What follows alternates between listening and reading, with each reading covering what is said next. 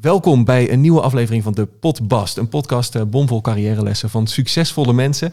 En uh, je kunt de Potbast ook steunen via petje.af slash potbast. Dat hebben in deze aflevering onder andere Rikst, Barnier en Freddy gedaan. En zo krijg jij als eerste te weten wie de nieuwe gast is. En jij kunt hem, hem of haar een vraag stellen. Dat gaat straks ook gebeuren, Guido, voor het eerst. Spannend. Voor het eerst. Petje.af slash potbast. En het is vandaag een uh, aflevering vol met vieren. We vieren de 40ste aflevering. Oh ja, gefeliciteerd joh. Dankjewel, jij ja, ook. Wat goed. Uh, het is het vierde seizoen. Ja. Uh, en dat was het eigenlijk ook weer wel. Guido, okay. welkom. Nou, en, en uh, ik ben 44. Oh, ook ja, nog. Ja. Ook nog, ja. Om te vieren, vandaag heb ik een klein taartje meegenomen nog. Een, uh, een appelkruimeltaart, maar ik wist dus ah. helemaal niet zeker of jij van suiker was of niet. Want volgens mij was dat niet het geval. Ja, dat, dat, ja nou, ik, ik ben sowieso niet van suiker. maar ik, dat ligt net aan welke week je mij treft. Ja. Want bij mij is het altijd alles of niks. Dus als ik aan het diëten ben, dan ben ik helemaal strak. En dan moet het water en bij wijze van spreken water en salade en dat dan een week lang. Of, of sapkuren of weet ik veel. Uh, of ja, daar remmen ze gewoon af. En dan is het gewoon Sodom en Gomorra. En dan is het gewoon, vreet ik alles wat er uh, voor mijn neus komt. Maar ik heb ook een, een ander alternatief, een vegan koek. Ja, ja dan uh, gaat vandaag ga ik voor de vegan koek. Oké, okay, nou heel goed. Ja. Zullen we dat straks na het gesprek? Oh, jij wilt het gezellig ja, maken. Maar ik vind, dus leuk, gewoon eten vind leuk dat, ik vind dit dus dit hè. Vind ik dus ook heel leuk dat je dat dan hoort op de podcast. hier zit dus een vegan koek in een, in een plastic of in een, in een papieren zak. Nou, dat vind ik, vind ik mooi dat het zo en zo. Nou, lekker. Volledige naam. Guido Peter Paul Weijers is dat. Leeftijd. 44. Beroep. Cabaretier. Bekend van. Theater. Verliefd, verloofd of getrouwd. Verliefd. Als ik een superheld was, was dit mijn kracht. Ik zou dolgraag willen kunnen vliegen. Maar dat kan natuurlijk nooit. Dat is ook niet mijn kracht. Maar als ik mocht kiezen... Ik had vroeger heel vaak een droom... dat als ik mijn adem inhield, dat ik dan opsteeg. En dat heb ik een keer teruggezocht in zo'n dromenboek. En daar stond heel groot achter grootheidswaanzin. Wat was voor jou de allereerste keer dat jij op het podium stond? Nou ja, de, daar, daarin uh, moet ik denk ik een verschil maken tussen bewust of onbewust. Heb je ooit als, onbewust op een podium gestaan? Nee, maar als, als kind heb ik wel gewoon heel vaak... Um, uh, met de weeksluiting op school toneelstukjes gedaan en zo. Dan was ik altijd ook degene die naar voren werd geschoven. Als er op donderdag uh, onze klas nog niks had, dan zei de leraar Guido, wil jij voor morgen nog een toneelstukje in elkaar zetten? En ik was altijd degene die dat deed. Uh, alleen carrière technisch gezien, als je het he hebt over cabaret en wanneer stond Guido voor het eerst met grappen op een podium.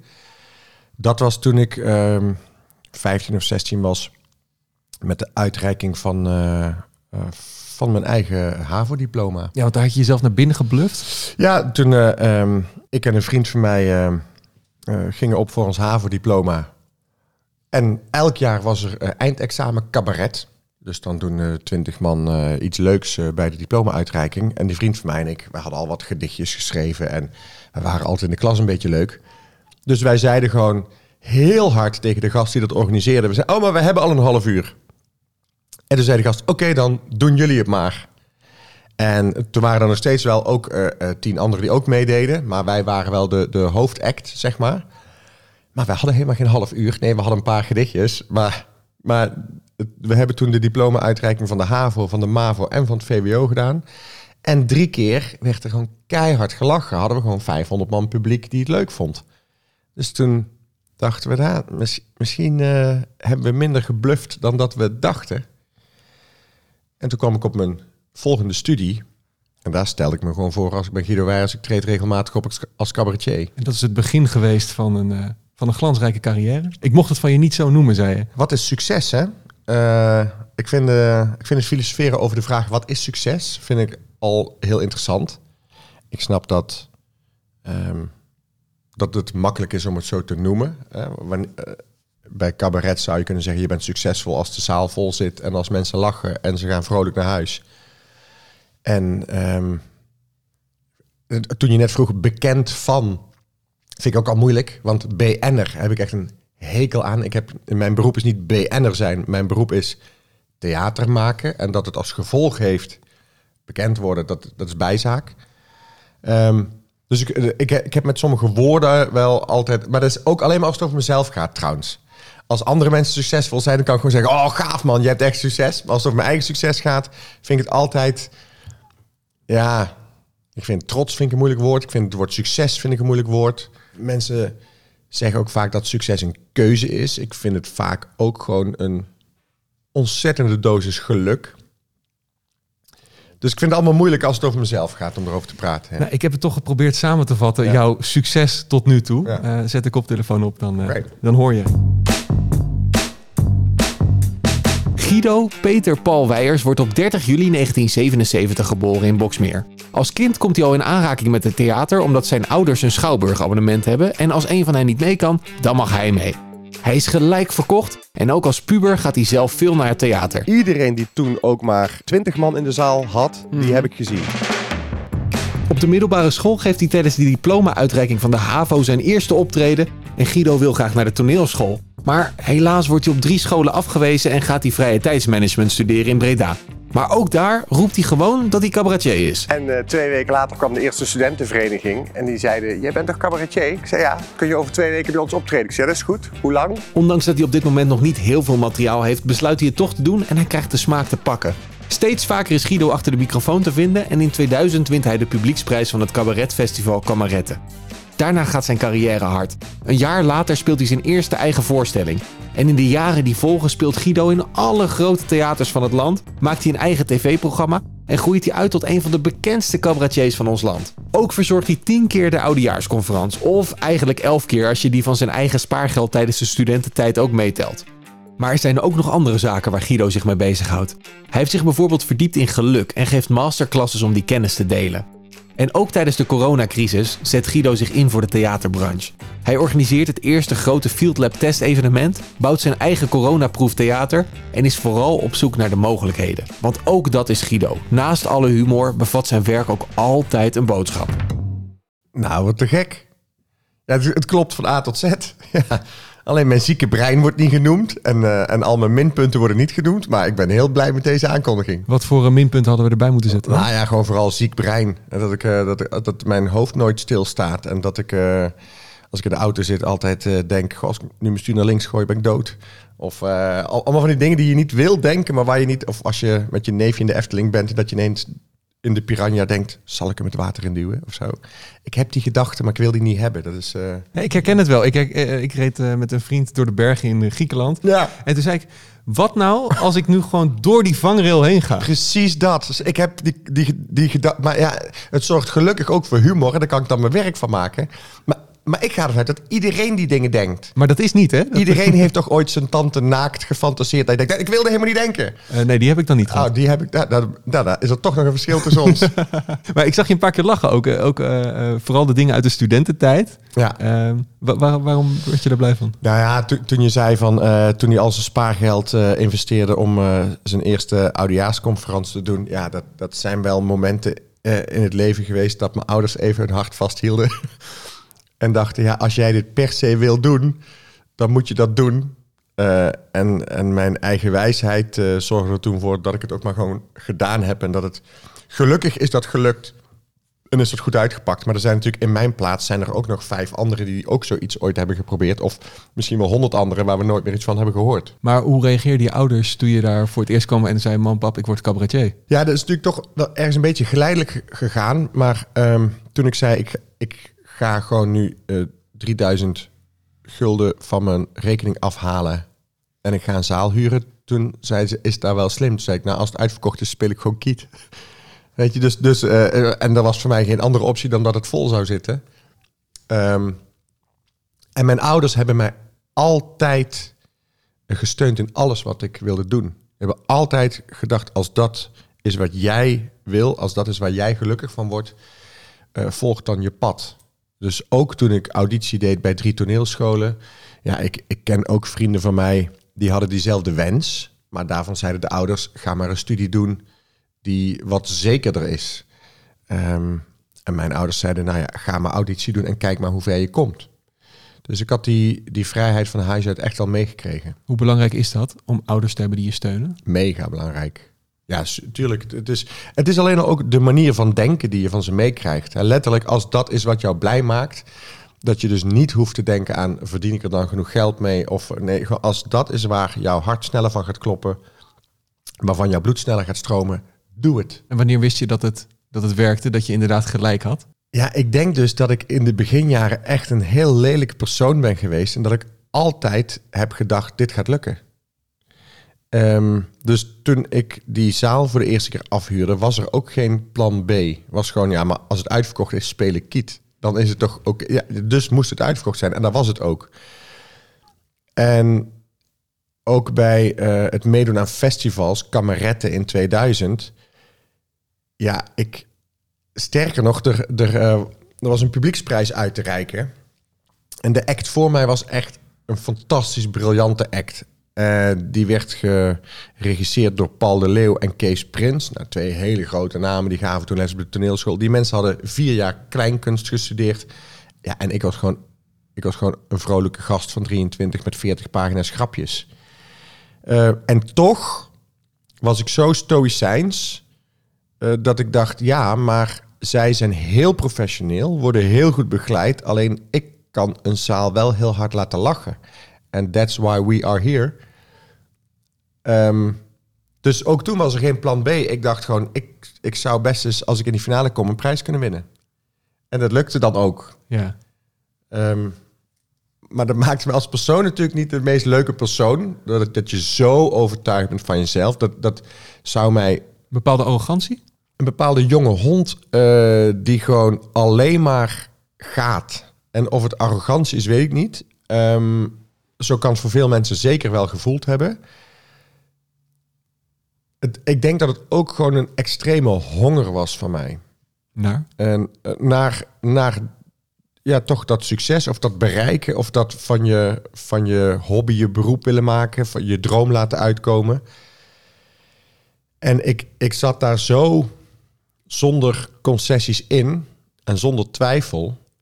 Terwijl nu, nu ik zoveel jaar eh, ouder ben, ja, nu vind ik het nog steeds fantastisch dat ik het allemaal mag doen. Maar ben ik meer dankbaar dan dat ik denk, ja, zie je wel, kom door mij. Weet je, dat, eh, dat idee. Ja, wa- want daar is ooit een draai in gekomen dan. Ja, langs, langzaamaan ehm, merk ik nu, ook van mensen die mij al twintig jaar kennen... en die ik dan misschien eh, tien jaar niet gesproken heb... en dan gaan we weer eens lunchen en dan zeggen ze... goh, is de eerste keer na tien jaar dat je... Ja, je praat nu veel minder over jezelf. Je bent veel meer geïnteresseerd in de mensen om je heen en zo. Nou, in het begin van mijn carrière bestond dat niet. Nee, was het alleen maar Guido. Alleen maar eh, ja, heel egocentrisch eh, gericht op mezelf, ja.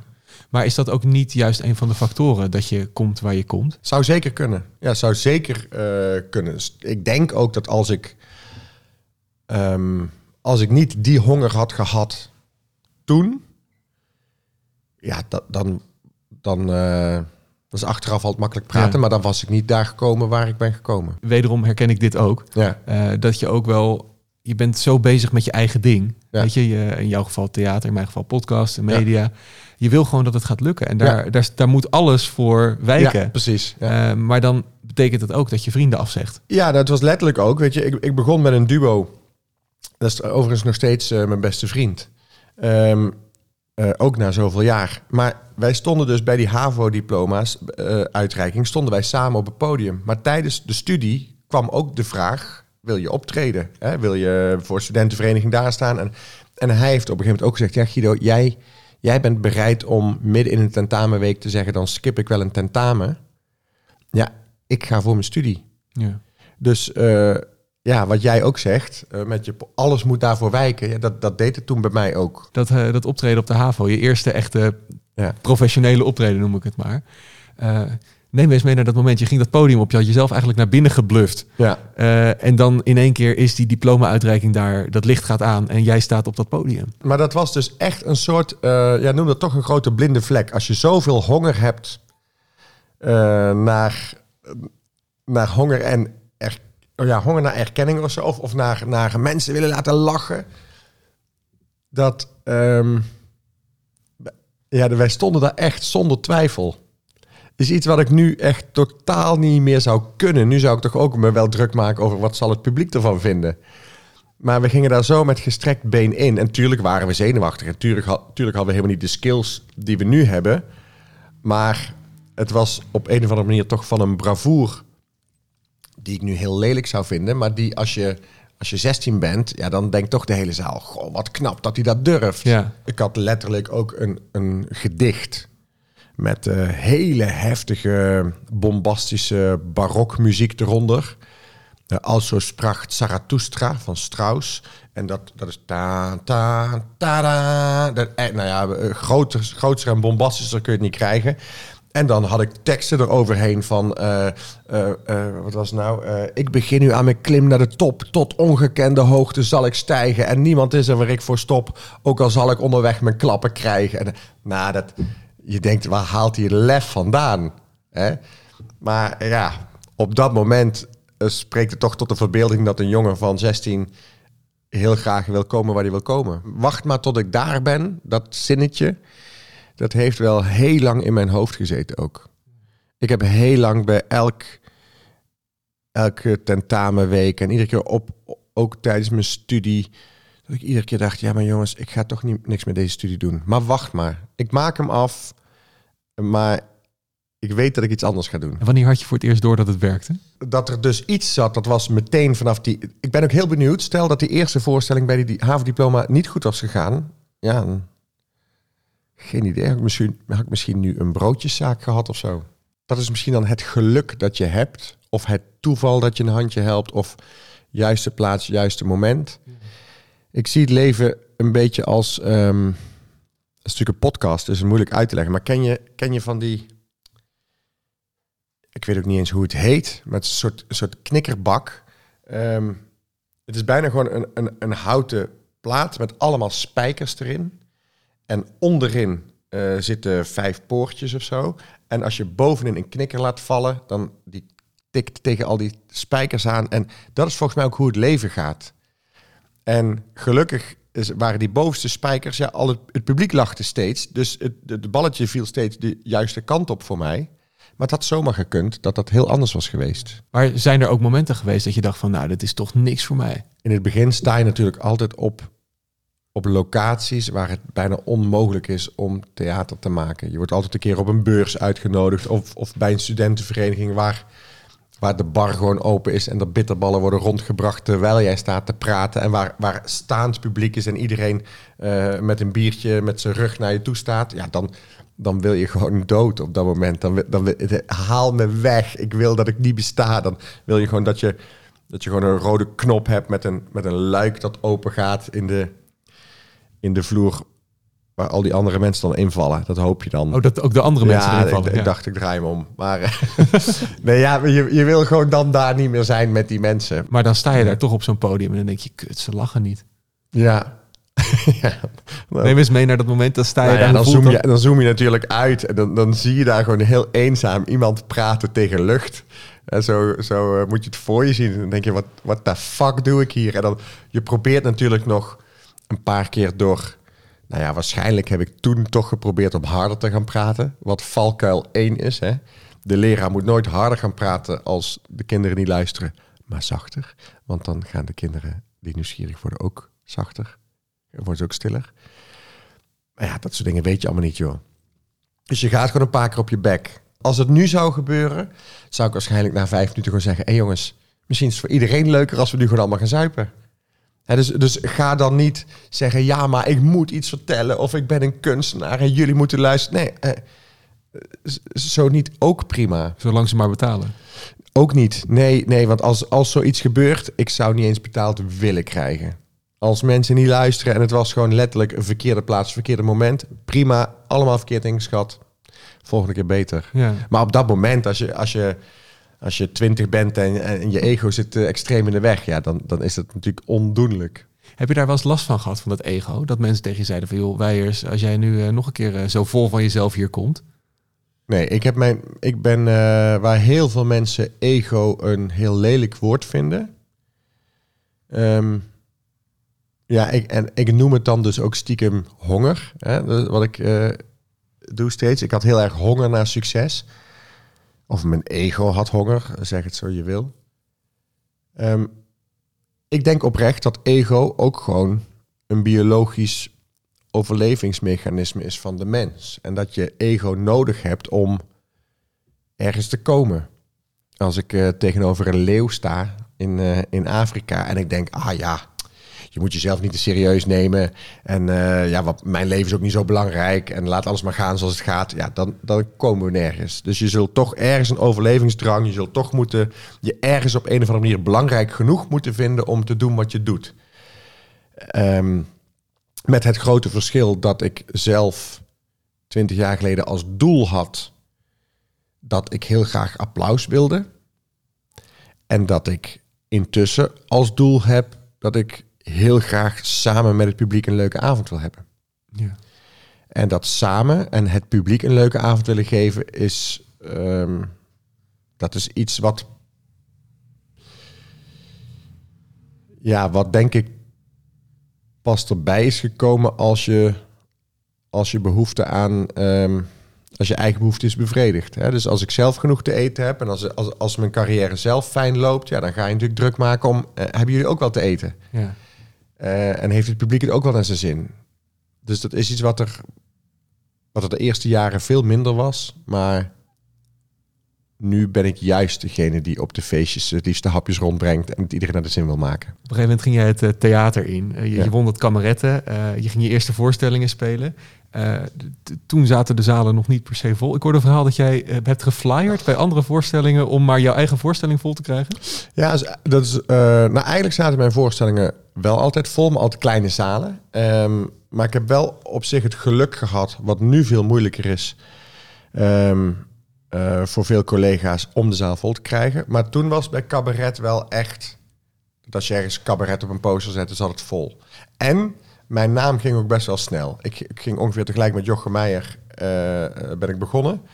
En op een gegeven moment, zoals je ooit eh, Hans Theo en Theo Maassen, die twee namen gonsten dan rond. En zoals het bij Jochem Meijer en Guido Weijers ook een beetje. Dus daar had ik geluk mee. Maar ik heb inderdaad wel eens bij, ehm, had ik een tv-opname in de Kleine Comedie in Amsterdam. Maar die was drie of vier weken van tevoren pas in de agenda gezet. Want we gaan voor de VARA iets opnemen. Dacht, ja, kloten, dan draaien er dadelijk camera's en dan zit de zaal half vol. Ben ik overal in Nederland zit het nu wel eh, gevuld en dan bij die tv-opname hebben we te weinig tijd. Dus ik aan de VARA gevraagd van, nou, zou je dan eh, ergens een advertentie kunnen zetten of iets dat die zaal vol zit? Nee, die wilden allemaal niks doen. Was allemaal gesubsidieerd en die wilden allemaal er niks van weten. Ik denk, ja, kut, hoe krijg ik die zaal nou vol? Dus toen heb ik een hockeyteam uit eh, Amsterdam gevraagd van eh, zo'n groep meiden. Van, hey, zorg even dat jullie, als er andere cabaretvoorstellingen zijn... en in Carré draaien nog voorstellingen... en bij de Kleine Comedie die week nog. Ik zei, nou, ga gewoon buiten staan en zeg gewoon... als je van cabaret houdt, komende zaterdag is er tv-opname. Binnen twee dagen was het uitverkocht. Maar hoe, hoe vonden de collega's dat? Want dat viel niet bij iedereen in goede aarde, toch? Ja, dat, dat, dat eh, I don't give a shit. Weet je, het was, het, mijn zaal zat vol. Weer Ja. hetzelfde als ik maar genoeg te eten heb. Ja, nou, nee. eh, als je een tv-opname hebt en het zit half vol, is het gewoon niet gezellig. Nee. En als ze dan precies dat net op tv gaan uitzenden, dat is gewoon heel lelijk. Het is een beetje alsof je een verjaardagsfeest geeft. En je nodigt eh 40 mensen uit. En je zet ook 40 eh, tuinstoeltjes eh, binnen. En er komen er 10. Ja. Ja, dat is, dat is gewoon, dat voelt altijd treurig. Ja. Dan kun je beter zorgen dat er maar 10 stoeltjes staan. En dat er dan 40 mensen komen. En dat er 40 mensen komen dat je bij moet schuiven. Dat Ja. is succes. Rob Kemp zei hier ooit in de podcast ook dat het altijd wel belangrijk is ook om een imago te bouwen. Hè? Dus Ja. eh, om, eh, om iets te hebben tussen aanhalingstekens. Wat hij met het rode jasje Mhm. heeft. Ik heb dat met mijn, mijn grote bril. Jij hebt het eh, met het, het schil kijken. Ehm, hoe weet je wanneer iets aan je imago toegepast kan worden, toegevoegd kan worden? Of het nou mijn ogen zijn, of dat Jochem Meijer nou ADHD heeft, of dat Najib een Marokkaan is. Eh, het is fijn als mensen jou voor de eerste keer in het theater hebben gezien. Ze vinden je leuk, maar ze kunnen je naam niet onthouden. Nou, dan is het handig dat ze kunnen zeggen, ja, die, die, die schelen uit Brabant. eh. of bij Jochem, ja, die gast met die krullenbol met ADHD. Jochem Meijer had niet voor niks de eh, www.krullenbol.nl. En zijn, zijn eerste voorstelling, of zijn tweede voorstelling, heette niet voor niks ADHD. Hè, dat, is, puur en alleen maar je imago en, je, en je naam sneller laten groeien. Ehm, dus ja, ik, heb, eh, ik maak altijd ook wel wat grappen over mijn ogen. Over zijn laatste paar keer niet meer zo. Ehm, maar ja, dat is gewoon herkenbaarheid. Het is wel altijd fijn om, zeker als mensen je naam nog niet kunnen onthouden, om iets herkenbaars te hebben. Is dat gewoon kijken als je jonge carrière maken van hey, wat heb ik nou, waar ben ik nou uniek in? Nee, Het is totaal niet... ehm, of groeit zoiets? Ja, ik moet zeggen dat ik nooit vooraf bedacht had dat dat een marketingding zou zijn of zo. Nee, ja, mensen zien dat gewoon, dus die zeggen dat dan. Ja. Je hebt ooit over imago ook gezegd, je doet drie mi- minuten over om een imago op te bouwen en je bent de rest van je leven bezig om er weer af en af te komen. Ja, het is, het is heel. eh, dat is ook echt zo. En volgens mij heeft zelfs Freek de Jonge of zo ooit ook zoiets gezegd. Ik merk het nu ook. Ik ben nu vier jaar bezig met theatercolleges over geluk. Dat ik letterlijk heb ik bedacht, ik moet niet mijn naam eraan hangen. Ik moet mensen echt opnieuw kennis laten maken met mij. Dus ik heb niet in theaterboekjes laten zeggen, eh, zetten dat ik dat theatercollege gaf. Ehm, ik heb, sterker nog, ik heb iedere keer halverwege het theaterseizoen het theater pas opgebeld, zodat ik niet in de brochure zou komen, zodat mensen niet een kaartje kopen voor Guido Weijers. Eh, ik heb ze laten adverteren met theatercollege over geluk. Kom kijken als je geluk interessant vindt.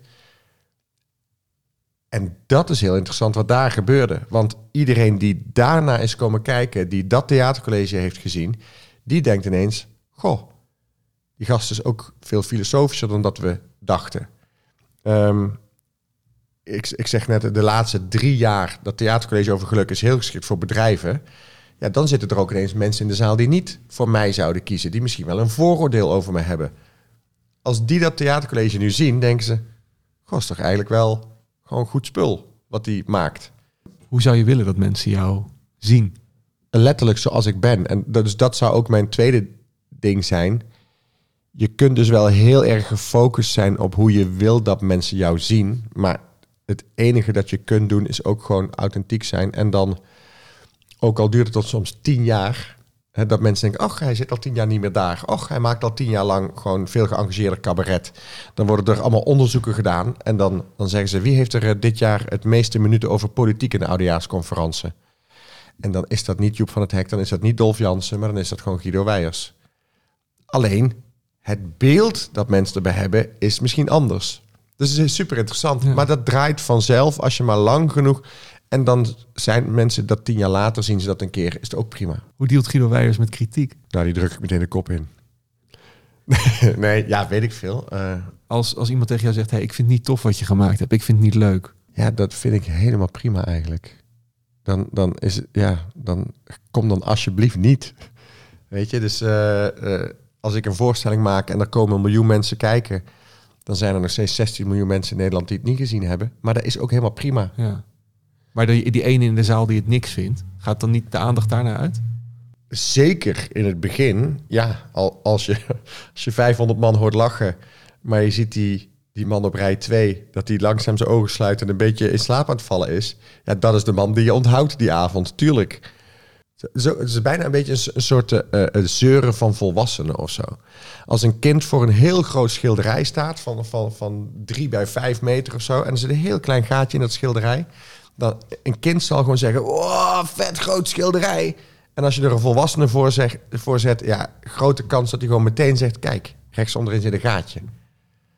Dus ja, het is ook een beetje soort aangeleerd gedrag dat we altijd focussen op het negatieve, maar dat ik moet zeggen dat, dat het me toch ook wel, ehm, als je genoeg zelfvertrouwen hebt, en dat is dus iets anders dan honger of arrogantie, maar gewoon zelfvertrouwen, dat, dat, je, dat je staat achter wat je maakt, ja, dan vind ik het ook prima als iemand een keer moe is in de zaal. Maar als iemand dan een negatieve eh, recensie plaatst over je, Ja, dat, als hij dat vindt, moet hij dat doen. maar dat is natuurlijk wel ook wel makkelijk gezegd. Dat is makkelijk gezegd, maar dat is ook omdat ik twintig jaar geleden alleen maar slechte recensies kreeg. En de laatste jaren bijna alleen maar goede. Ja.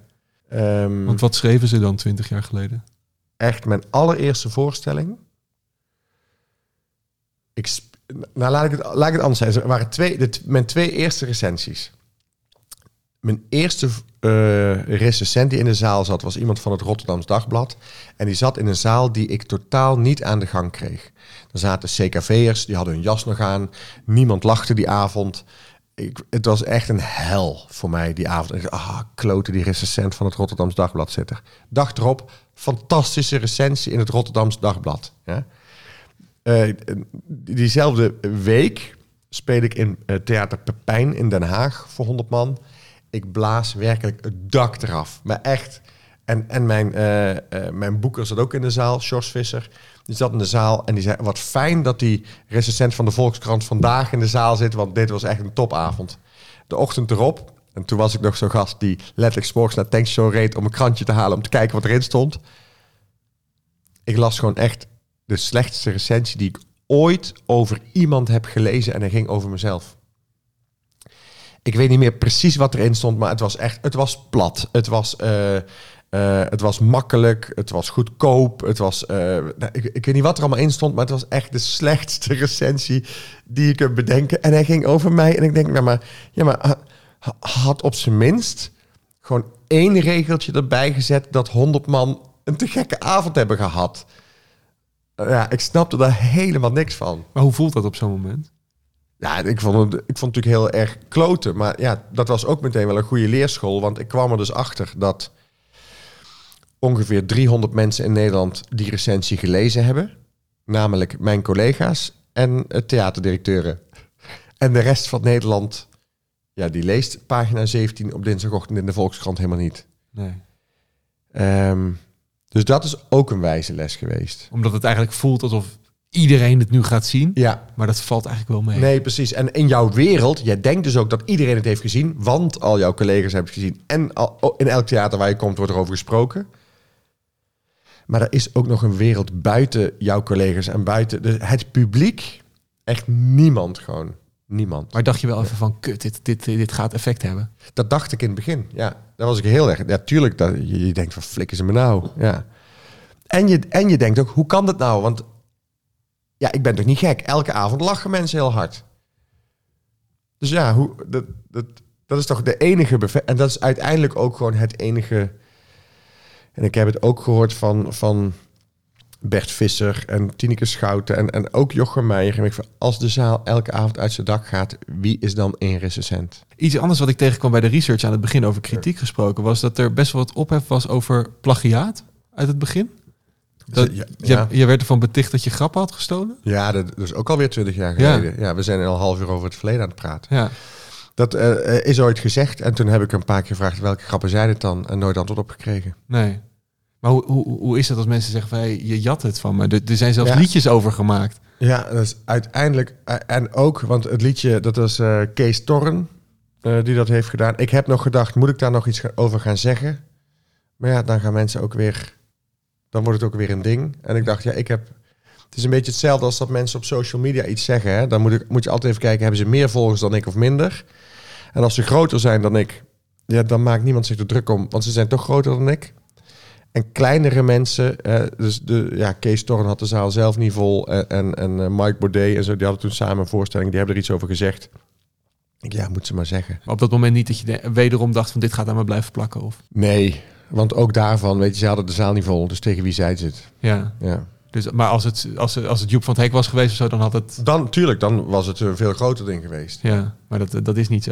Hoe kun je als... Nee, want, eh, want weet je wat het is? Mensen die allemaal de zaal vol hebben, die gunnen elkaar ook alle succes. En dit was ook echt zo'n dingetje. En dat, dat is dan, als je het hebt over succes. Sommige mensen gunnen je niet het succes. En dat, daar kun je tegen blijven vechten. Of je kunt gewoon denken, ja, dat is zo. Ja. Je hebt diep gespit hoor. Dus, dus ik vind het heel, heel goed dat je dat hebt gedaan. Maar al die dingen die je hebt gezegd, die heb ik tien jaar geleden in elk interview moeten beantwoorden. ja. En, ehm, maar iedere keer was toch mijn antwoord... Ja, als mensen het niet leuk vinden dat ik flyers uitdeel bij een voorstelling... Ik had daarna de zaal vol. ja, Fuck them. Hadden zij de zaal vol? Nee, Nee. ik wel. Boeien. Het heeft succes gehad. Het, pub- het was beter voor het publiek. Eh, als mensen me eh, beschuldigen van iets... Hebben zij de zaal vol? Nee. Oké, wie is dan op de goede weg? Ja. Weet je? Ja. Dat altijd ik, ik, ik, vind het, ik vind het veel erger dat als iemand oprecht... ehm, dus wat mensen roepen, als het niet waar is of als het, of als het nergens over gaat... en het is eh, misgunnen, vind ik het prima. Als iemand twijfelt aan mijn integriteit, vind ik veel erger. Dus als, als iemand die met mij leeft aan mij zou twijfelen... dat zou ik wel heel erg vinden. Hoe kun je als jonge carrièremaker het beste omgaan met kritiek? Ja, zie het als tegenwind. Ja, zie het als de vlieger die alleen maar omhoog gaat als er tegenwind is. En ehm, ik moet zeggen dat ik het ook nooit... eh, misschien vaar ik ook eigenlijk wel goed, een beetje goed op kritiek. Misschien is het dus ook wel een karaktereigenschap voor mij. Ik zei net, het is een soort biologie. Je moet overleven. Zo zie ik het, het, het alles. Misschien heeft het me ook wel juist nog harder laten werken. Ehm, ik zei straks ook het tegen, zinnetje tegen jou, wacht maar tot ik daar ben. Ja, als mensen kritiek hebben, wacht maar tot ik daar ben. Hè, dat, dat, eh, en je zou willen dat, dat je van mensen je niet hoeft te bewijzen. Dat ze gewoon al vooraf vertrouwen hebben. En de mensen die vooraf die kritiek hebben, wacht maar tot ik daar ben. Ik heb, uh, nou, ik zei het aan het begin ook al, wat vragen van mensen die gedoneerd hebben voor dit, uh, deze aflevering van de Podbast. Ja. Uh, Petje.af slash podbast. Je mag de koptelefoon opzetten, dan krijg je ze te horen. De eerste is van Steven. Hey Guido, ik heb een vraag voor jou. Heb je best een optreden gegeven waar niemand jou grappig vond? En hoe ging je daar dan mee om? Daar ben ik wel benieuwd naar. Doei! Ja, hebben we het al over gehad. Ja. Wat een negatieve vragen allemaal, zeg jongens. Nee, de volgende, de volgende is positiever. Oké. Maar deze hebben we besproken natuurlijk. Vind, je, vind je het negatief, de podcast? Nou, het is, het is wel grappig dat... Uh, nee, wat gaat het over succes? Ja, Punt. ja. Ja. Maar toch, een beetje. Nou ja, ik, het zijn vooral... Uh, als je het heel eerlijk wil weten, zitten er wel een paar heel uitgekoude onderwerpen bij. Ja, Maar ja, misschien dat, je, dat het leuk is om ze na tien jaar toch weer een keer te bespreken. Maar dat is misschien... Nee, dat, dat, ligt, dat ligt niet aan jou. Daar moet ik ook eerlijk in zijn. Ik zei in het begin, voordat wij gingen opnemen, zei ik van... eh, laten we niet te lang praten over mijn carrière, zeg maar. En daarmee bedoel ik eigenlijk dat ik zelf het altijd moeilijk vind om over het verleden te praten. Want ik heb daar helemaal niks mee. Dus alles wat er gebeurt, letterlijk als, als eh, ik heb wel eens gehad dat, eh, dat ik, had ik, was ik anderhalf jaar met iemand samen, ging ik het uitmaken. En eigenlijk zat ik al tijdens dat gesprek te denken, wat ga ik, wat ga ik eh, als dit gesprek voorbij is, wie ga ik dan bellen? Had ik, als had ik alweer een nieuwe vrouw in mijn hoofd of zo. Ehm, als ik op vakantie ben, denk ik altijd... Sterker nog, als ik een oudejaarsconferentie aan het maken ben... dan die gaat 31 december, gaat die, komt die op tv. Letterlijk de twee dagen die ik met kerst dan vrij ben... zit ik toch alweer mijn agenda in januari vol te duwen. Denk, oh, dan moet ik even een nieuwe voorstelling. Ik heb nieuwe ideeën. Dan ben ik gewoon letterlijk al de titel van mijn nieuwe voorstelling aan het bedenken. Ja. Dus ik, ik sta steeds met één stap in de toekomst. En ehm, dus als iemand dan met dingen... eh, ja, je hebt geflyerd bij je eerste... denk ik, man, dat was 2003. Serieus? Zijn er, zijn er nu nog steeds collega's die daar iets van vinden? Dan zijn het wel sneu collega's als dat nu zo zou zijn. Dus dat heb ik allemaal in 2005 heb ik dat allemaal eh, ruzie eh, over gehad met mensen. Dan denk ik, ach man, in 2021, dat, laten we het hebben over, over nu, over, laten we filosoferen over, over eh, wat succes is, over wat geluk is, wat over levensvragen in plaats van mijn carrière. ja. Ja, de podcast gaat natuurlijk wel over carrières. ja. En over, eh, maar misschien heb je er wel gelijk in, ook wat vooruitkijken. De, over geluk, over filosoferen, eh, heeft de vraag van Lisanne wel wat mee te maken. Hoi Guido, Lisanne Bronkhorst hier. Ehm, ik ben heel erg benieuwd hoe jij geluk ervaart. Wat is het- volgens jou de definitie van geluk? Je geeft zelf masterclasses in het vinden van geluk. Dus ik ben ook heel erg benieuwd wat jij heeft doen bewogen om andere mensen dat pad te vinden. Kijk, nu, nu gaan we het ergens over hebben, toch? Nu gaat het namelijk niet meer over Guido. En wat ik net zei in het begin, hè, de eerste tien jaar van mijn carrière, praat ik heel erg graag over mezelf en draaide alles om mezelf. Maar deze vraag is natuurlijk veel interessanter, ook voor de luisteraar, denk ik. Ja. Wat is geluk? Ja, daar twijfel ik over. Persoonlijk. Ja, ik Ja? denk dat deze wel interessant is, maar ik denk juist ook de gesprekken die ik voer. Dat is hoe heb jij het gedaan? Hoe ben jij gekomen waar je bent? En ik snap dat het voor jou dan natuurlijk is. Van, Ja, ik voel me wat opgelaten om te praten over succes. En, en, en laatst zei iemand, waar ben je trots op? Ik zei, trots? Ik heb gewoon gewerkt voor iets en er is een, is een input is outcome, Ja. dat idee. Dus Ja. dan bereik je iets. Maar trots, ja, ik heb daar niet voor hoeven lijden, Nee.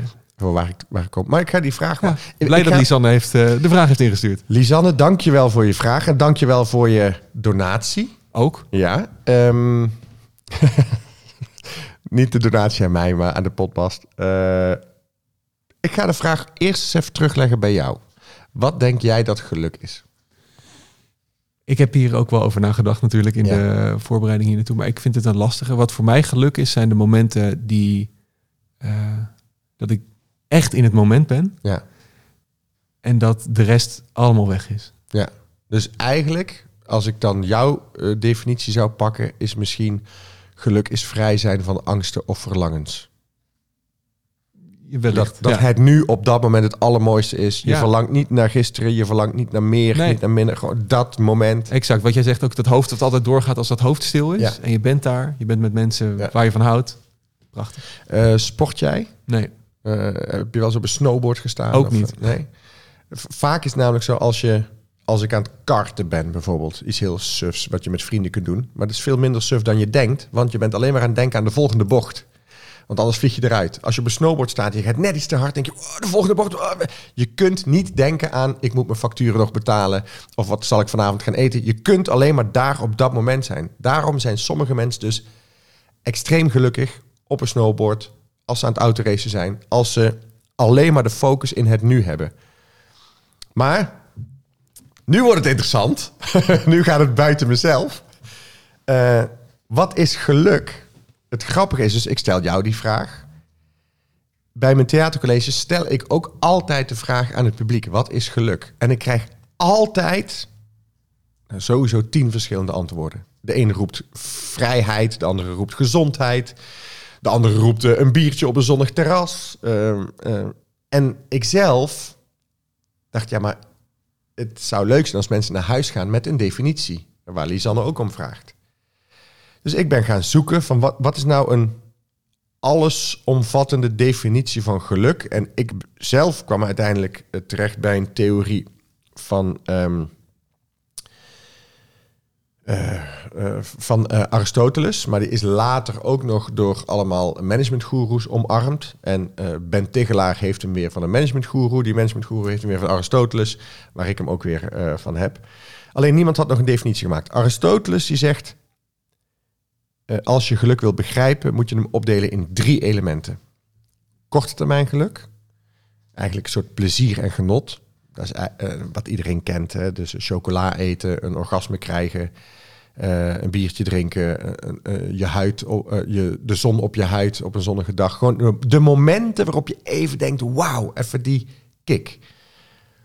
Maar ja, je kunt niet continu alleen maar van die zon genieten. Dat is een, geluk, een momentopname, zeg maar. Dus naast dat plezier en genot heb je ook nog een soort vorm van tevredenheid nodig. En wanneer ben je tevreden met je leven? Ja, dat is toch als je gewoon een prima salaris hebt, je hebt fijne collega's, eh, je hebt eh, eh, een, een huis te drinken, je hebt, je hebt een, fijne baan, je hebt ehm, eh, je lichaam doet een beetje wat je wil, je bent moreel, eh, doe, eh, eh, je morele kompas werkt een beetje goed, dus je hoeft thuis niet te liegen, je hebt een stabiele relatie. Gewoon zoals andere mensen zeggen, die heeft het goed gedaan. Dus dan heb je korte termijn geluk, lange termijn geluk. En als je die twee onder elkaar zet, dan kom je er nog steeds achter. Ja, dat gaat allemaal nog steeds over mezelf. Heb ik wel genoeg plezier en genot? Heb ik mijn zaakjes wel goed voor elkaar? En als je gaat uitzoomen en kijkt wanneer zijn mensen op lange termijn nou ook het allergelukkigst, dan kom je erachter dat mensen toch ook wel een purpose moeten hebben. Dat mensen zingeving eh, moeten hebben in hun leven. Dus ja, letterlijk als je iets bijdraagt aan een betere wereld of iets doet voor andere mensen, dan zijn mensen op lange termijn gewoon gelukkiger. Ja. Dus uiteindelijk, kort samengevat, geluk is de ultieme balans tussen plezier en genot, tevredenheid en zingeving. En wat is voor jou geluk? Nou ja, dus de, dat, dat korte geluksgevoel waar we het hebben over plezier en genot, dat haal ik dus heel erg uit eh, eten met vrienden en goede gesprekken hebben. Ehm, en natuurlijk ook uit een orgasme en ook uit, eh, eh, uit snowboarden, wat ik net zei of zo. Of duiken of gewoon mooie dingen doen. Maar Ja, en dan denk ik toch dat ja, je zaakjes goed voor elkaar hebben. Dus dat, dat tevreden zijn, dat, dat heeft bij mijzelf al snel iets gezapigs of zo. Ik vind tevredenheid vind ik wel leuk in mijn leven, maar ik ga ook heel goed op onzekerheid. Of ik ga ook heel goed op als iets uit mijn handen wordt geslagen. Of als er ergens paniek uitbreekt of zo. Ik, dat, dat, ik vind die spanning ook wel leuk. Dat relateert misschien ook wel aan kritiek. Dus als ik kritiek krijg, dat ik dan denk, ja, kom maar jongens. Hè, dan word ik alleen maar, dan ga ik aan. Ehm, en ik denk dat ik dat ik dus die zingeving, ja, dat is iets wat, wat pas de laatste tien jaar bij mij speelt. Ja. Daar was ik in het begin van mijn carrière was ik alleen maar bezig met mezelf. En nu vind ik echt het leuk om mensen een fijne avond te geven. Maar misschien is uiteindelijk het gesprek over het verleden nu wel een stukje zingeving voor jonge carrièremakers. Ik probeer me nog steeds eruit te Ja, lullen. ja, ja. nou ja, als, als, als daarvan de conclusie moet zijn... als je kritiek krijgt, eh, schat het op waarde... maar laat het niet te zwaar wegen. Ja. Relativeer het ook. Ehm, reflecteer zelf of, je, of jij vindt dat je goed bezig bent. En als jij tegen jezelf gewoon kunt verantwoorden... waarom jij zegt, we halen 20 stoelen weg... dan is de avond gewoon gezelliger. Ja, dan is daar niks mis mee. Ja, ik, vind grotere maatschappelijke thema's gewoon altijd interessanter Ja, dan mezelf. ook omdat je je eigen verhaal kent al, denk ik. Misschien ook, ja. Ja. Ja, en ik heb, ehm, ik zeg ook wel vaak tegen mensen, ik vind mezelf, ik hou heel erg van mezelf, maar dat wil nog steeds niet zeggen dat ik, ik vind mezelf niet belangrijk. Dus ik hou heel erg van mezelf. Zolang ik hier op deze wereld ben, eh, wil ik het ook echt zo leuk mogelijk maken, ook voor mezelf en de mensen om me heen. Maar de dag dat ik dood ben, ik hoop echt dat, dat 24 uur daarna iedereen mij vergeten is. Want ik ben niet belangrijk. Nee, geen staatsbegrafenis. Nee, zeker nee. Gewoon de fik erin. En, eh, en er hoeft niet eens een kist omheen. Nee, maakt niet uit. Gewoon op, op het kampvuur. Ja, gewoon, Ja. gewoon, ja. Nou, ehm, André Manuel heeft een eh, prachtig nummer. Dat heet Kraaien. Dat moet je op Google. Dus eh, dat heet Kraaien van André Manuel. Dan een of andere versie dat hij in carré staat. Komt nog een, een of andere eh, autodeur komt naar beneden waarop ge- getrommeld wordt. En dat gaat over zijn begrafenis. En die zegt gewoon, zet mij, ja, zet me ergens gewoon mijn kist rechtop eh in het zand bij, bij de zee. Ehm, bouw een vlot. sprokkel wat hout en duw het bootje de zee op en steek het in de hens. Dan denk ik, nou, dat vind ik wel vet gewoon. Aangezien de podcast toch een beetje over succes gaat, ook de vraag stel dat die jonge Guido van dat school Ja. eh, je aanspreekt nu na een voorstelling en zegt Guido, hoe word ik zo succesvol als jij? Niet dat hij daar waarschijnlijk heel erg mee bezig was Ja. toen, maar wat zou je hem nu met de kennis van nu en misschien de kennis van morgen vertellen? Dan wordt het misschien een beetje zweverig, maar in de, in de manifestatie waarin ik nu hier zit, zeg maar, als de persoon die ik nu ben, zou nooit meer beroemd worden.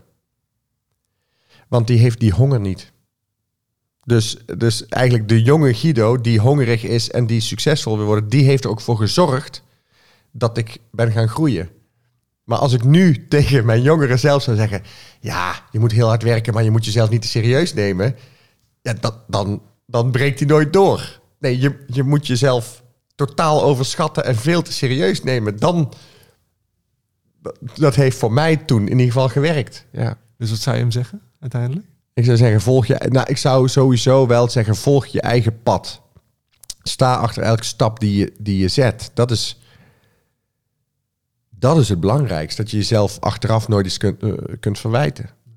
Ik sluit de potbas altijd af met de potbas sticker met de vraag waar ga je hem plakken? Oeh. Aan de binnenkant. Ik, ga, ik, ik, ik wil niet liegen. Hij komt aan de binnenkant van mijn tourkoffer. Aan de binnenkant van je tourkoffer. Ja, Zodat elke keer als je hem open doet, je herinnerd wordt aan het hele verleden wat je vandaag hebt besproken. dat, ja, en dat is wel de eerste sticker trouwens. Dus, eh, maar ik denk, ja, waar zal ik die... de- maar ik heb gewoon een tourkoffertje dat meegaat on tour. En daar laten, we eens, eh, laten we daar eens herinneringen in gaan plakken. Guido, dankjewel. Graag gedaan. En ik ben benieuwd wat je van de koek vindt. Die nu al de hele tijd op tafel ligt. Ja, nou, ik, ik ben ook benieuwd. Ja, want het eigenlijk, je zei laten we een huiselijk gesprek maken waar we lekker eten tijdens, de voor, eh, tijdens het gesprek. Maar dat is eigenlijk helemaal niet van gekomen. Nou, ik ga vandaag toch niet aan de suiker, maar ik ga lekker deze opeten. Op de 40ste potbas. Dankjewel Guido. Gefeliciteerd. Dankjewel voor het luisteren naar deze podcast. En abonneer nou meteen in leven. Hè? En meteen doen. Niet lak zijn. Meteen doen, want dat helpt ons echt superveel. En check even meteen overal online. At de Radio Meneer. Kom je in het eh, promoteam nu? Of de Radio Meneer of Radio Meneer. Het is de radio. De ra- Dan zei ik. Welkom in het promoteam trouwens. Ja, alsjeblieft.